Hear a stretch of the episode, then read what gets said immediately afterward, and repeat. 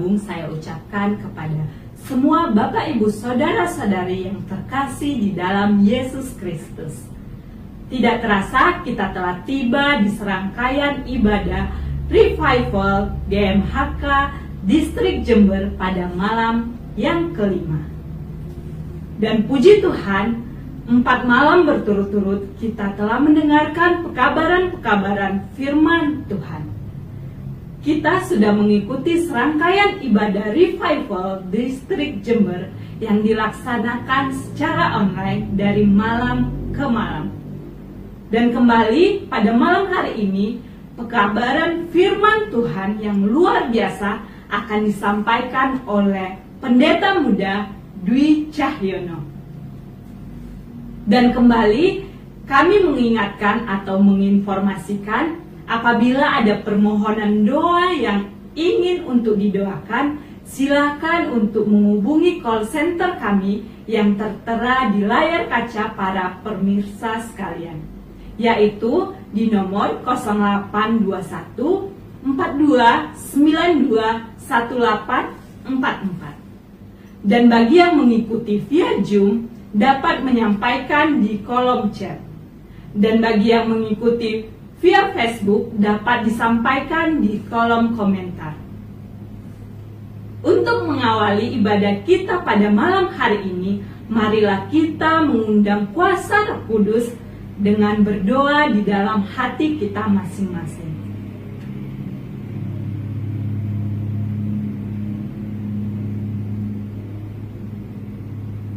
Untuk mengawali ibadah kita pada malam hari ini, Mari kita memuji Tuhan dari lagu yang telah disiapkan oleh tim musik.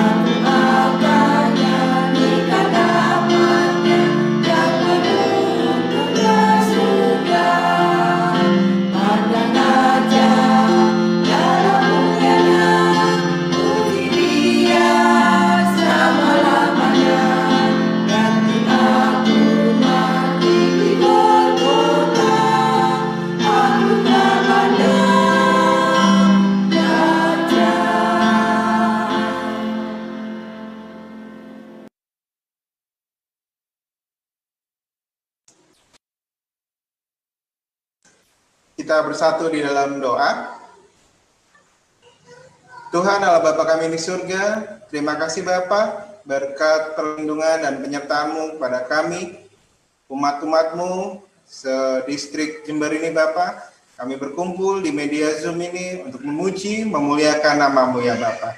Bapa di surga, pada malam hari ini, malam kelima, biarlah kami memperoleh berkatmu melalui firman yang akan dibawakan oleh Pendeta Dwi, Biarlah kau berkati pendeta Dwi agar dapat membawa, memecah penyakan roti kehidupan ini menjadi berkat kehidupan bagi kami semua yang mendengarkan di sini Bapak. Berkati pula media yang kami gunakan, biarlah semua berjalan sesuai dengan kehendak-Mu dan dapat membawa puji-pujian dan uh, kemuliaan bagi namamu saja ya Bapak. Terima kasih Bapak, kami tahu kau menjawab dan mendengar doa kami. Dalam nama Yesus kami berdoa dan mengucap syukur. Amin.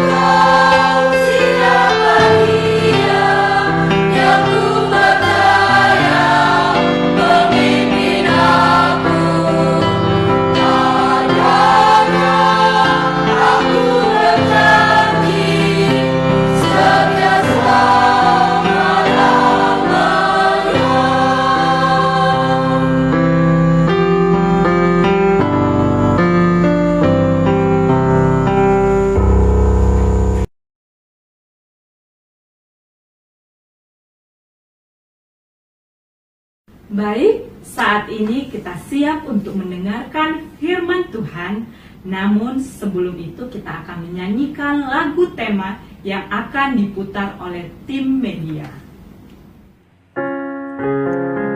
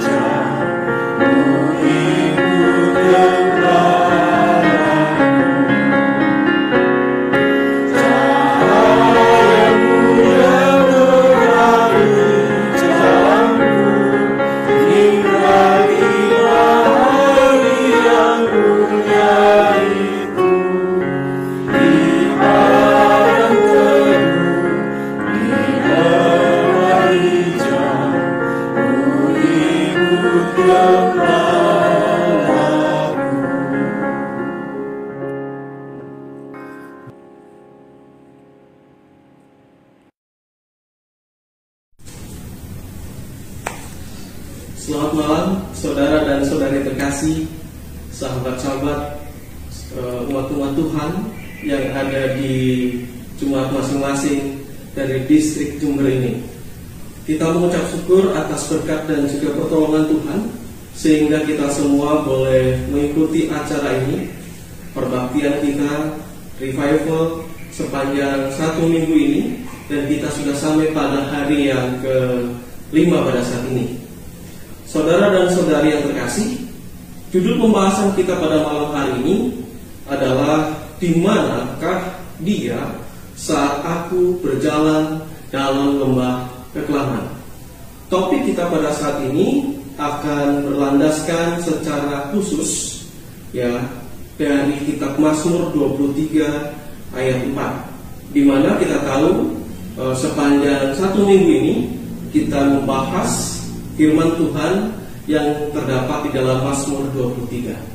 Baik, terlebih dahulu kita akan berdoa. Bapak di surga, pada saat ini kami mohon pertolongan ya Tuhan, supaya kami semua boleh mendengarkan Tuhan berfirman ke dalam batin kami.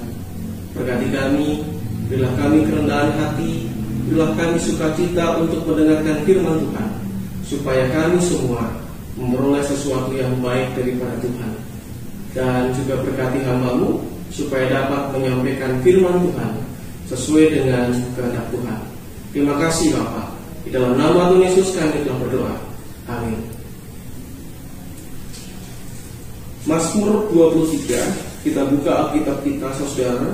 Kita baca dari ayat pertama sampai yang ke-6. Demikian firman Tuhan. Tuhan gembalaku yang baik. Mazmur Daud. Tuhan adalah gembalaku. Takkan kekurangan aku. Ia membaringkan aku di padang berumput hijau. Ia membimbing aku ke air yang tenang. Ia menyegarkan jiwaku. Ia menuntun aku di jalan yang benar oleh karena namanya. Sekalipun aku berjalan dalam lembah kekelaman, Aku tidak takut bahaya, sebab engkau besertaku. Gadamu dan tongkatmu itulah yang menghibur aku. Engkau menyediakan hidangan bagiku di hadapan lawanku. Engkau mengurapi kepalaku dengan minyak, pialaku penuh melimpah. Kebajikan dan kemurahan belaka akan mengikuti aku seumur hidupku dan aku akan diam dalam rumah Tuhan sepanjang masa. Saudara dan saudari terkasih, inilah topik pembahasan kita dalam satu minggu ini, di mana pada malam-malam sebelumnya kita sudah membahas pada ayat 1, 2, dan 3 dan pada saat ini kita secara khusus akan membahas firman Tuhan di dalam Mazmur 23 ayat yang keempat di mana firman itu secara fokus berkata demikian. Sekalipun aku berjalan dalam lembah kekelaman, aku tidak takut bahaya, sebab engkau besertaku, gadamu dan tongkatmu, itulah yang menghiburkan aku. Mazmur 23 ayat 4. Saudara dan saudara terkasih, firman Tuhan ini dituliskan oleh Raja Daud. Dia adalah seorang penggembala domba. Dia juga sebagai seorang raja. Dia memiliki banyak sekali pengalaman kehidupan dari pengalaman yang baik maupun dari pengalaman yang buruk. Dia pernah menjadi seorang penggembala domba yang tidak diperhatikan, yang tidak diperhitungkan. Ia juga pernah menjadi uh, buronan daripada Raja Saul. Tetapi saudara, oleh karena kasih karunia Tuhan dia boleh berpegang teguh dan menjadi puas menjadi domba-domba Allah oleh karena pengetahuan dan pengalamannya itu ia menciptakan sebuah mazmur yang pada saat ini dan pada minggu ini sudah kita pelajari di mana dia sangat puas dia bersuka cita dia sangat senang dan sangat menjiwai kehidupannya dia membandingkan dirinya sebagai domba dan Allah sebagai gembala. Pada tahun 1993, eh, kebetulan di kampung di mana saya tinggal, eh, di Jepara, saudara dan saudari sekalian, ya kira berasal dari Jepara. Pada tahun 1993 di sana ada sebuah fenomena yang unik, ya, di mana eh, ada anak-anak dari mulai kelas 2 sampai kelas 6 ya itu punya kebiasaan di mana mereka semua senang sekali untuk mengembalakan domba sepulang mereka uh, dari sekolah. Jadi setelah pulang dari sekolah, mereka pulang ke rumah, mengambil makan siang, kemudian setelah itu mereka semua satu kampung pergi ke sebuah uh, ladang perhutani, membawa domba-domba dan mengembalakan domba-domba di sana. Saudara dan saudara sekalian, dari antara mereka, uh, saya salah satunya. Saya adalah uh, seorang anak yang pernah diberikan kasih karunia daripada Tuhan untuk menjadi seorang gembala. Oleh sebab itu pada saat ini uh, saya merasa bahwa alangkah baiknya saya gunakan pengalaman ini untuk juga memahami firman Tuhan yang ditulis oleh seorang gembala dengan menggunakan metafora gembala dan juga domba. Saudara dan saudara sekalian, Mazmur 23 ayat 4 ini memiliki uh, terjemahan dan uh, arti yang berbeda, terutama khusus mengenai lembah kekelaman. Kita tahu di dalam terjemahan bahasa Indonesia, ya uh, kata yang digunakan adalah lembah kekelaman. Kemudian di dalam Indonesia Literal uh, Translation, ya kata yang digunakan adalah lembah bayang-bayang maut dan di dalam bahasa Inggris juga ada beberapa terjemahan yang menggunakan uh, the shadow of death. Artinya apa? Uh, bayang-bayang maut. Uh, value value uh, of the of the shadow of the dead. Ya, artinya apa? Lembah bayang-bayang daripada maut. Pertanyaannya adalah, apakah yang dimaksud dengan berjalan dalam lembah kekelaman atau lembah bayang-bayang maut? Ya, ketika kita bicara dengan lembah bayang-bayang maut ini, ya, sering kali orang itu langsung e, mengartikan bahwa oh ini menggambarkan di dalam dunia orang mati ya orang itu bisa berjalan-jalan orang mati itu bisa memuji nama Tuhan orang mati punya kesadaran di dalam dunia orang mati. Ya apakah ini berarti arwah manusia yang sudah mati bisa berjalan dalam dunia orang mati? Apakah ini berarti orang mati memiliki kesadaran Ya. Sementara di dalam Mazmur 88 ayat 11 dan 12 mengatakan demikian, apakah apakah kau lakukan keajaiban bagi orang-orang mati? Masakah arwah bangkit untuk bersyukur kepadamu?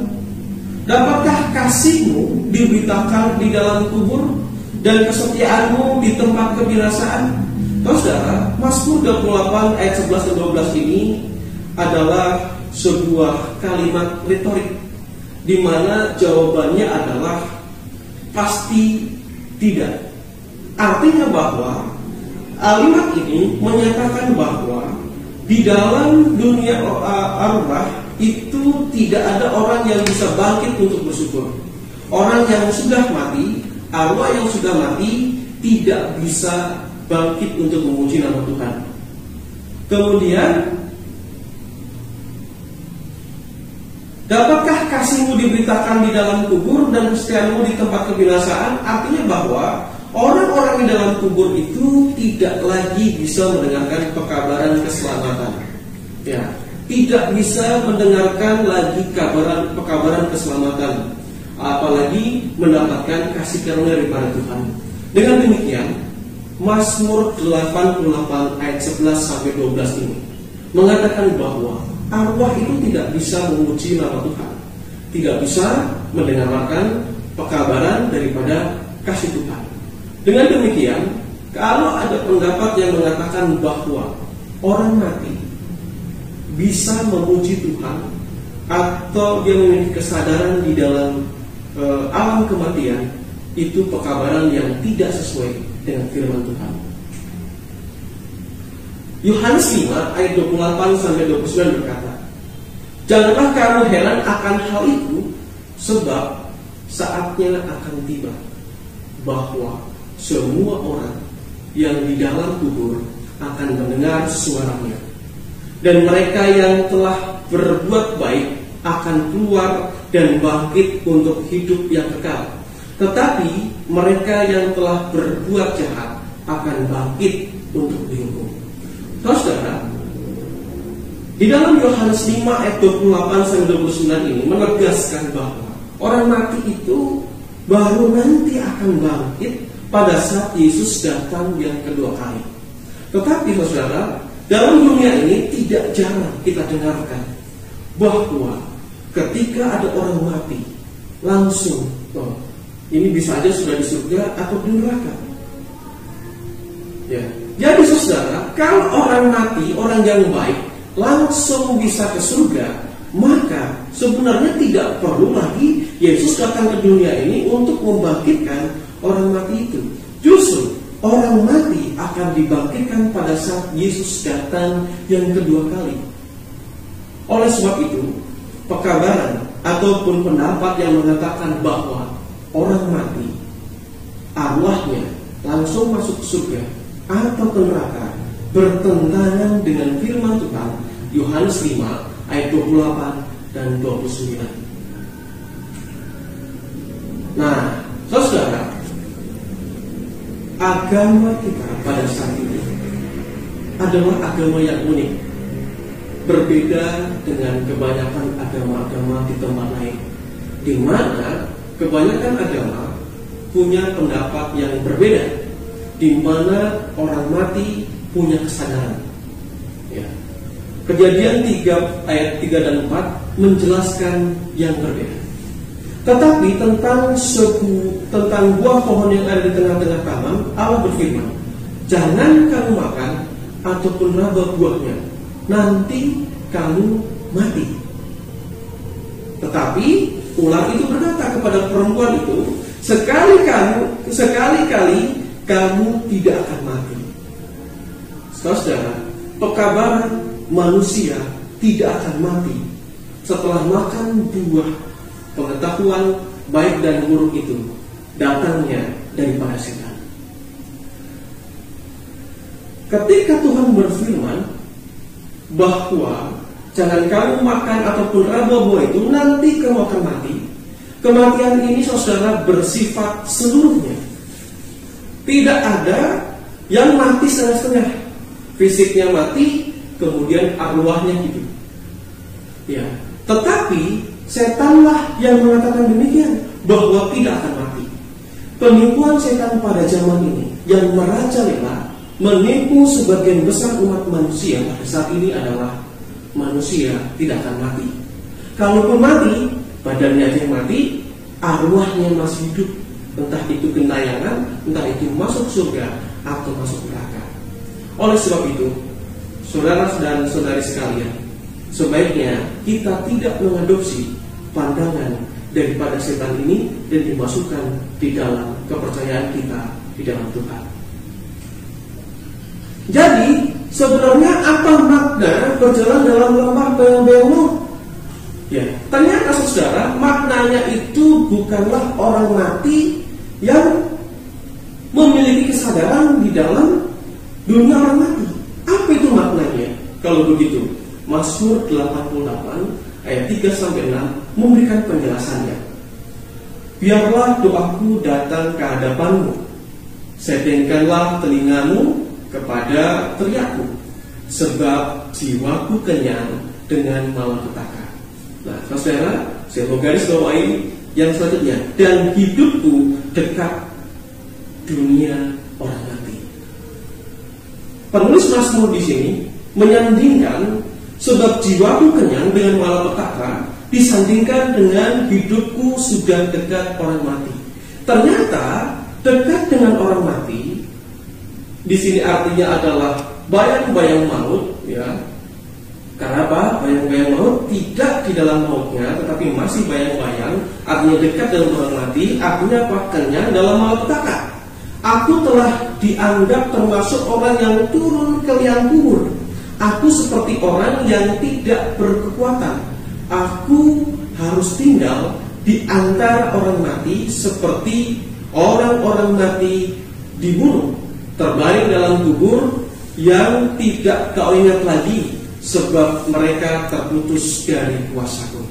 Jadi saudara, maksudnya adalah lembah bayang, lembah, uh, lembah bayang-bayang maut itu adalah setiap penderitaan manusia, setiap malapetaka, setiap kesedihan, setiap, uh, segala hal yang membuat manusia menderita, sakit penyakit, dicurangi, kegagalan, kemudian uh,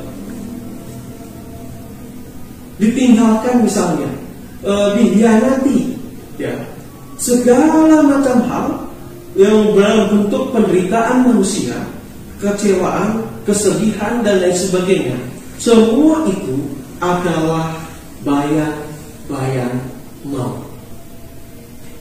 Di dalam uh, tulisan Ellen White di dalam buku Para Nabi dan Bapa pasal, pasal yang ketiga paragraf yang ke-33 yang menjelaskan ada yang namanya tanda-tanda kematian yang pertama yaitu setelah uh, Adam dan Hawa jatuh ke dalam dosa tanda-tanda kematian yang pertama itu adalah uh, rontoknya daun-daun ya yang menjadi kering kemudian dia rontok.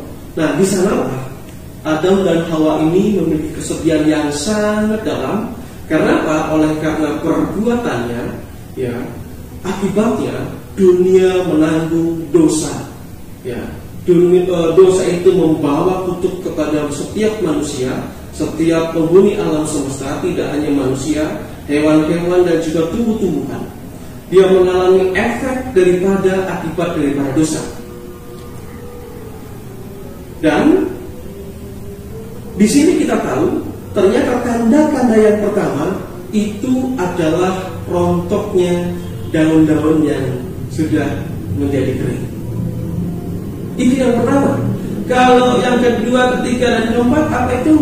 Itulah setiap kejadian, setiap hal buruk, setiap uh, hal yang negatif yang diakibatkan oleh akibat tutup daripada dosa kematian, penderitaan, kegagalan, kesulitan, bencana alam, e, bencana wabah COVID-19 dan sebagainya. Ini semua adalah tanda-tanda kepastian akan kedatangnya kematian kepada setiap umat manusia oleh akibat dari dosa. Inilah yang dimaksud dengan lembah bayang-bayang maut.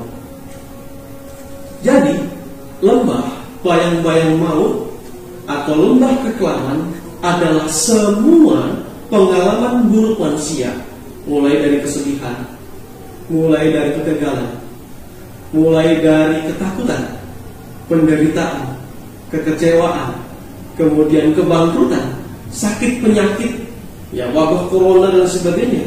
Ya pada saat ini ada banyak sekali orang sakit kalau nggak kena corona, kena virus yang lain, atau kena penyakit yang lain. Penolakan. Semua ini adalah bayangan akan datangnya kematian. Dan ini disebut bayang-bayang maut. Pertanyaannya adalah di manakah dia saat kita menghadapi lembah bayang-bayang maut ini atau pada saat kita berada di dalam lembah bayang-bayang maut ini. Inilah judul kita pada malam hari ini. Dan jawabannya ada di dalam Mazmur 23 ayat yang keempat sebagai ayat inti kita. Sekalipun aku berjalan dalam lembah kekelaman, aku tidak takut bahaya, sebab engkau besertaku, gadamu dan tongkatmu itulah yang menghibur aku. Di manakah Tuhan pada saat kita berada di dalam lembah bayang-bayang dia beserta kita. Dia selalu menyertai kita. Dia bersama-sama kita. Dia merasakan penderitaan, sakit penyakit, segala sesuatu yang kita alami. Allah kita bukanlah Allah yang tidak merasakan penderitaan kita. Allah kita sudah menjelma menjadi manusia. Dia merasakan segala sesuatu yang kita rasakan. Dia mau menangis bersama-sama dengan kita pada saat kita menangis. Dia sangat memperhatikan kehidupan kita. Walaupun kita tidak mengetahuinya, Tuhan sedang bersama-sama kita setiap saat. Dia tidak pernah meninggalkan umat-umatnya. Sehingga setiap umat manusia yang berpegang di dalamnya, walaupun dia punya masalah yang begitu besar, walaupun dia menghadapi lembah bayang-bayang maut yang sangat mengerikan, menghadapi segala macam problem kehidupan, ketika dia berpegang di dalamnya, ia tetap merasakan damai sejahtera. Sebab apa? Dia menjalani kehidupannya bersama-sama dengan Tuhan. Dan dia tidak takut bahaya. Kenapa? Karena Tuhan melindungi dia. Saudara, di kalimat yang berikutnya disebutkan di situ gadamu dan tongkatmu itulah yang menghibur aku. Ya, uh, fungsi gada dan tongkat. Ya, saudara, gada itu adalah biasanya terbuat daripada akar kayu. Dia ada lengkungannya begini, ya, kemudian agak panjang. Ya, penggunaannya uh, selain uh, ya bisa jadi tongkat juga, ya bisa jadi uh, trekking pole ya untuk berjalan dan juga sebagai senjata untuk melindungi domba daripada e, serangan hewan buas. Ini menggambarkan perlindungan Tuhan terhadap umat-umatnya. Ya, Tuhan selalu memiliki perlindungan, perangkat-perangkat perlindungan untuk memastikan kita semua merasa aman di dalam e, lindungannya. Nah, fungsi yang lain gada, gada dan tongkat ini fungsinya adalah bisa digunakan untuk mengiring dan mendisiplin domba-domba supaya menggambarkan komitmen Tuhan untuk memastikan kita masuk ke surga. Ya, jadi kalau saudara mengembalakan domba pada saat dulu saya mengembalakan domba, saya selalu membawa tongkat. Ya, kadang-kadang domba itu e, tidak senang dia tidak tidak apa namanya berjalan secara lurus terus. Ya atau kadang-kadang domba itu dia nggak ngerti jalan untuk uh, yang uh, jalan mana yang harus dilaluinya. Kadang-kadang pada saat di pertigaan itu harus diarahkan. Dan cara mengarahkannya itu juga bisa menggunakan dengan tongkat. Kadang-kadang domba ya ketika sedang berjalan ya dilihatnya di pagar ada pagar hidup misalnya dia mampir dan untuk makan di situ. Nah itu perlu juga didisiplin ya jadi fungsi daripada gada itu dua melindungi sebagai perangkat untuk melindungi, alat untuk perlindungan dan untuk melindungi domba-domba ya dari serangan eh, binatang buas dan juga untuk mendisiplin uh, umat-umatnya. Saudara, ada dua hal yang bisa menjadi penghiburan kita di dalam setiap kita menghadapi masalah. Yang pertama adalah perlindungan, jaminan dari Tuhan bahwa Dia bisa melindungi dan menjaga kita memberikan ketenangan dan kebahagiaan dalam hidup kita. Yang kedua, kita harus ingat bahwa setiap penderitaan yang kita alami bisa saja itu juga adalah perangkat dari Tuhan untuk membawa kita lebih dekat kepadanya, untuk membawa kita kembali kepada jalur keselamatan. Oleh sebab itu ada tulisan daripada uh, Nyonya Ellen White berbunyi demikian. Saya bacakan, saudara. Semua penderitaan yang telah menimpa kamu adalah uh, dalam pengertian hikmat Tuhan adalah dimaksudkan untuk membawa Anda lebih dekat ke tahta kasih karunia Tuhan. Saudara, setiap penderitaan yang kita alami itu semua adalah perangkat Tuhan. Dan tujuannya adalah untuk membawa kita lebih dekat ya kepada tahta kasih karunia. Dia melembutkan dan menaklukkan anak-anaknya dengan penderitaan dan pencobaan. Dunia ini adalah bengkel Tuhan, di mana Tuhan mendandani kita. sebagai persiapan memasuki pelataran surga. Dia menggunakan pisau kebun pada hati kita, bekerja sampai kekasaran dan ketidakteraturan hidup kita disingkirkan. Dengan demikian, kita ditempatkan di bangunan surgawi. Melalui kesusahan dan kesukaran, orang-orang Kristen dimurnikan dan dibuat semakin kuat dan mengembangkan karakter yang telah diberikan Kristus. Saudara, dunia ini adalah bengkel Tuhan. Dunia yang sudah jatuh ke dalam dosa ini, di mana dunia yang tidak bisa terhindarkan terhadap atau dari uh, efek dosa, sakit penyakit, penderitaan, kemudian dikhianati, uh, ditolak, disingkirkan, kegagalan, kebangkrutan, semuanya itu akan kita alami. Kejahatan dari orang lain, dizolimi dan sebagainya, semua itu kita akan kita alami selama kita masih tinggal di dalam dunia yang berdosa ini. Dan Tuhan tidak menjamin kita terbebas dari semua itu. Tetapi pada malam hari ini Tuhan menjamin kita bahwa Dia selalu tetap bersama dengan kita menghadapi semua itu. Dan Dia juga menjamin bahwa pada saat Dia mengizinkan semua itu terjadi dalam kehidupan kita, ya itu semua bermanfaat untuk mendidik dan mendisiplin kita supaya kita semua dilayakkan, diatur, diformat supaya kita semua selaras dengan surga.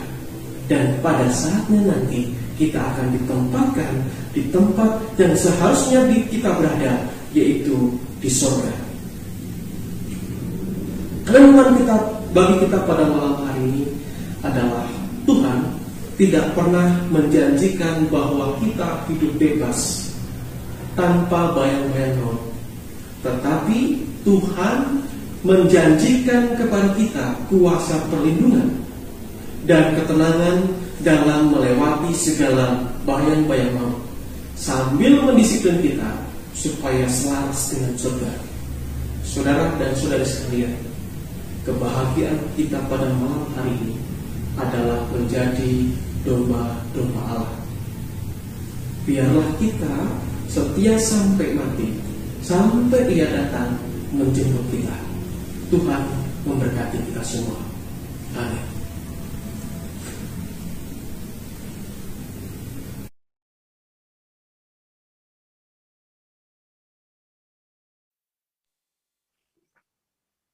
Oke baik Bapak Ibu Saudara-saudara kita akan berdoa. Mari kita sama-sama satukan hati kita untuk menghadap Tuhan di dalam doa.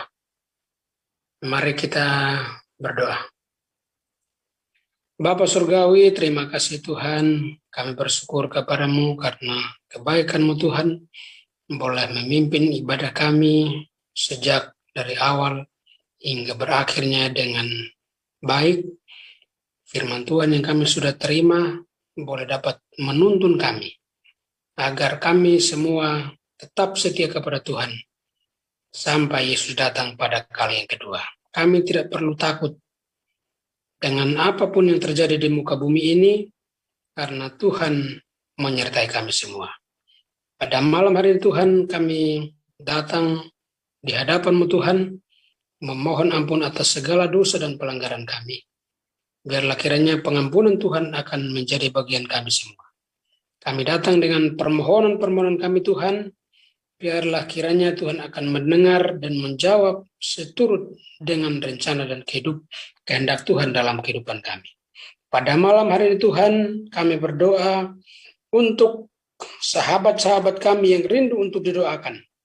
Kami berdoa untuk saudari Mehuta Soit yang dalam kehidupannya, biarlah Tuhan akan memberikan kekuatan atas segala persoalan kehidupan yang dia hadapi saat ini. Kami sebagai manusia tidak tahu persis apa persoalan kehidupan saudari ini. Tetapi kami percaya bahwa Tuhanlah yang mengetahui. Biarlah dengan kuasa Tuhan, Tuhan akan memberikan kekuatan kepadanya. Dan dia boleh tetap tabah untuk menghadapi segala persoalan kehidupannya dan kami percaya bahwa Tuhan akan memberikan jawaban atas segala persoalan kehidupannya. Kami juga berdoa pada malam hari ini untuk Ibu Endang Sumarsi yang sementara ini terbaring karena sakit. Tuhan biarlah kiranya tangan kasihmu akan menjamah dan memberikan kesembuhan kepada Ibu Endang. Kami juga berdoa bagi kesehatan dari Ibu Arifin. Tuhan berkati orang tua ini, ibu ini, agar kesembuhan boleh menjadi bagiannya. Kami juga berdoa bagi keluarga Evin. Tuhan berkati akan kehidupan keluarganya, segala rencana keluarganya. Dalam pekerjaan, Tuhan berkati agar semuanya untuk kemuliaan bagi nama Tuhan. Berkati anak-anaknya dalam pendidikan. Tuhan juga boleh dapat memberikan keberhasilan kepada anak-anaknya agar mereka boleh dibina dan dididik sesuai dengan kehendak Tuhan dan dipersiapkan untuk memperoleh kerajaan sorga yang Tuhan sudah janjikan.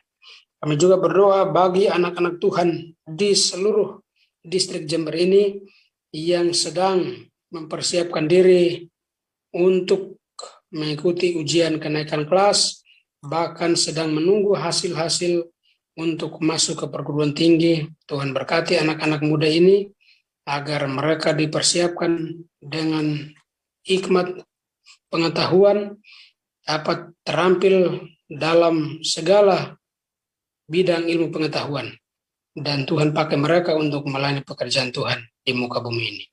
Kami juga berdoa bagi semua umat-umat Tuhan di distrik Jember, di setiap jemaat, baik di jemaat Jember, Semboro, Probolinggo, Banyuwangi, Lumajang, Tunjung Rejo, SS Muncar, dan Asam Bagus. Tuhan berkati umat-umat Tuhan di distrik Jember ini. Agar dalam kehidupan mereka, semua tetap setia kepada Tuhan. Tuhan tambahkan iman kami semua. Agar kami di dalam dunia ini boleh tetap setia kepada Tuhan, bekerja bagi Tuhan, sampai kami akan menanti kedatangan Tuhan yang tidak lama lagi. Berdoa juga bagi sahabat-sahabat kami yang pada malam hari ini bergabung bersama kami melalui ibadah. Baik yang bergabung melalui Zoom, Facebook, dan radio. Tuhan berkati mereka semua. Agar biarlah kiranya melalui ibadah ini, kami semua dipersiapkan untuk menerima berkat-berkat rohani. Terlebih iman kami akan semakin bertumbuh untuk tetap setia dan kami boleh bertahan sampai hari Maranatha. Terima kasih Tuhan, banyak permohonan yang kami ingin sampaikan. Namun kami percaya bahwa Tuhan sudah mengetahui semuanya itu dan Tuhan mengetahui yang terbaik untuk kami semua. Terima kasih Tuhan, ini adalah doa kami.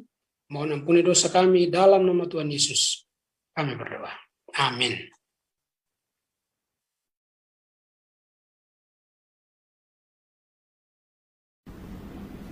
Puji Tuhan, acara kita pada malam hari ini telah berakhir. Dan kami mengucapkan terima kasih kepada seluruh hamba-hamba Tuhan yang telah mengambil bagian sepanjang satu malam ini ataupun sepanjang satu minggu ini. Dan terima kasih juga kepada Bapak, Ibu, Saudara-saudari sekalian yang telah setia mengikuti ibadah revival distrik Jember yang diselenggarakan secara online dari malam ke malam. Dan kami tetap mengundang Bapak, Ibu, Saudara-saudari sekalian untuk dapat bergabung kembali bersama kami pada besok malam. Bapak, Ibu, Saudara sekalian, dapat menyaksikan tayangan Revival Distrik Jember melalui Facebook di akun Good News Broadcast Testing ataupun melalui aplikasi di Good News Radio 8 yang dapat di-download secara gratis di Play Store ataupun App Store. Saya Yani Runesi sebagai pemimpin acara pada malam hari ini mengucapkan Terima kasih, selamat malam, sampai bertemu besok malam. Tuhan memberkati.